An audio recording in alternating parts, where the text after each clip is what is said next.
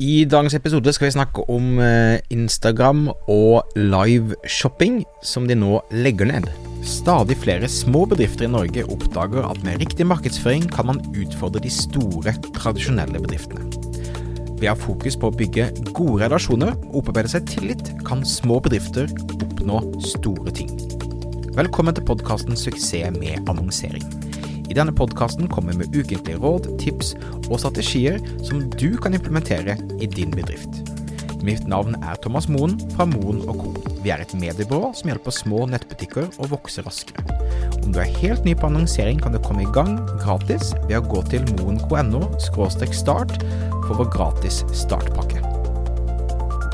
Hei, velkommen til en ny uke, nye muligheter. Som alltid skjer det masse i de digitale sfærene.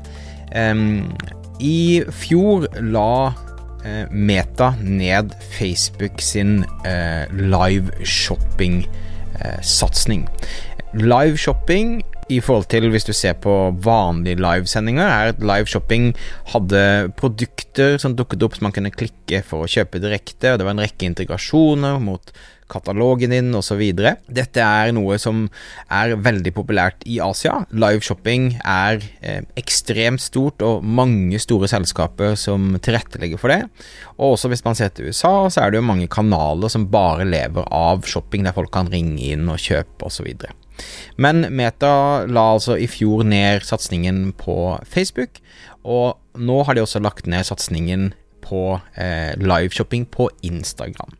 Så da 16. mars så la de ned sånn at du da ikke har muligheten lenger til å bruke de funksjonene som var tilrettelagt for, som produktomtaler, kjøpslenker osv. Eh, rett og slett fordi at det var ikke nok merkevarer som brukte det, og det, og det den vestlige publikummet ikke tok imot det på den måten som Meta hadde tatt utgangspunkt i.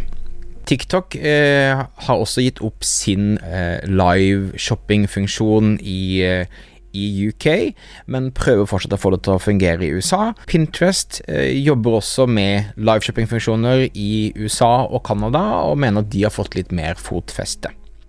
Så betyr dette at live shopping er på vei bort? Nei, absolutt ikke. Våre kunder gjør mye eh, live shopping med ren stream gjennom Facebook og Instagram f.eks. Det fungerer veldig greit. Det gir salg, det gir engasjement. Så liveshopping i seg sjøl er nok noe som kommer til å fortsette. Det folk eh, ikke var så fan av, er nok eh, at det blir veldig kommersielt når det da Eh, produktet dukker pent opp eh, med en kjøpsknapp når man omtaler det osv. Den type ting kan det virke som, basert på hva Meta sier, ikke har blitt eh, tatt imot på samme måte. Så jeg tror absolutt at vi kommer til å fortsette å se mye livesendinger med shoppingfokus. Jeg tror vi kommer til å se mange, både norske og andre plattformer, prøve å, å lage en god live shopping-opplevelse. Um, men uh, Meta kommer altså ikke til å fokusere på dette de fortsetter å fokusere på shoppingfunksjonene sine, som å tagge produkter eh, i stories, eh, i, eh, i, poster osv., katalogintegrasjoner osv.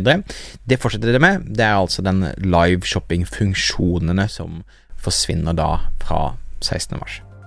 Ok, det var det jeg hadde for deg denne uka her. Håper du har en fantastisk uke videre. Husk å abonnere. Det kommer en ny episode ut hver eneste onsdag. Mitt navn er Thomas Moen. Hei da.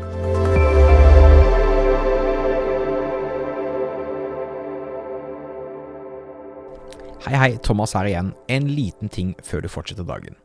Om du synes annonsering er vanskelig, og du kunne tenke deg at jeg så over annonsene dine, kom med noen konkrete råd og forslag til hva du kan gjøre bedre, så vil jeg anbefale deg å sjekke ut annonseklubben vår. Vi er en gjeng som møtes fast hver måned, hvor du har muligheten til å dele skjerm, få feedback på annonser, kampanjer og alt du måtte lure på rundt annonsering. Om dette virker spennende, så sjekk ut moenco.no klubb for mer info moenco.no klubb for mer info. Ha en fin dag videre. Hei då.